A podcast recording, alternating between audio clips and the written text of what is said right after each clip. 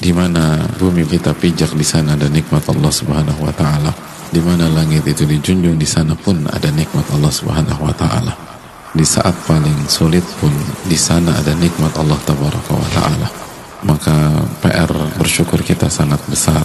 Karena sebagaimana yang dijelaskan oleh para ulama untuk mempertahankan nikmat itu kita butuh bersyukur.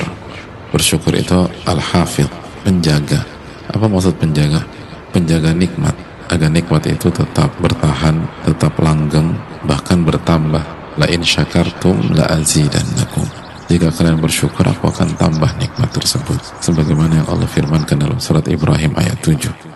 Oleh karena itu marilah kita terus berusaha menjadi hamba yang bersyukur di setiap episode takdir kita.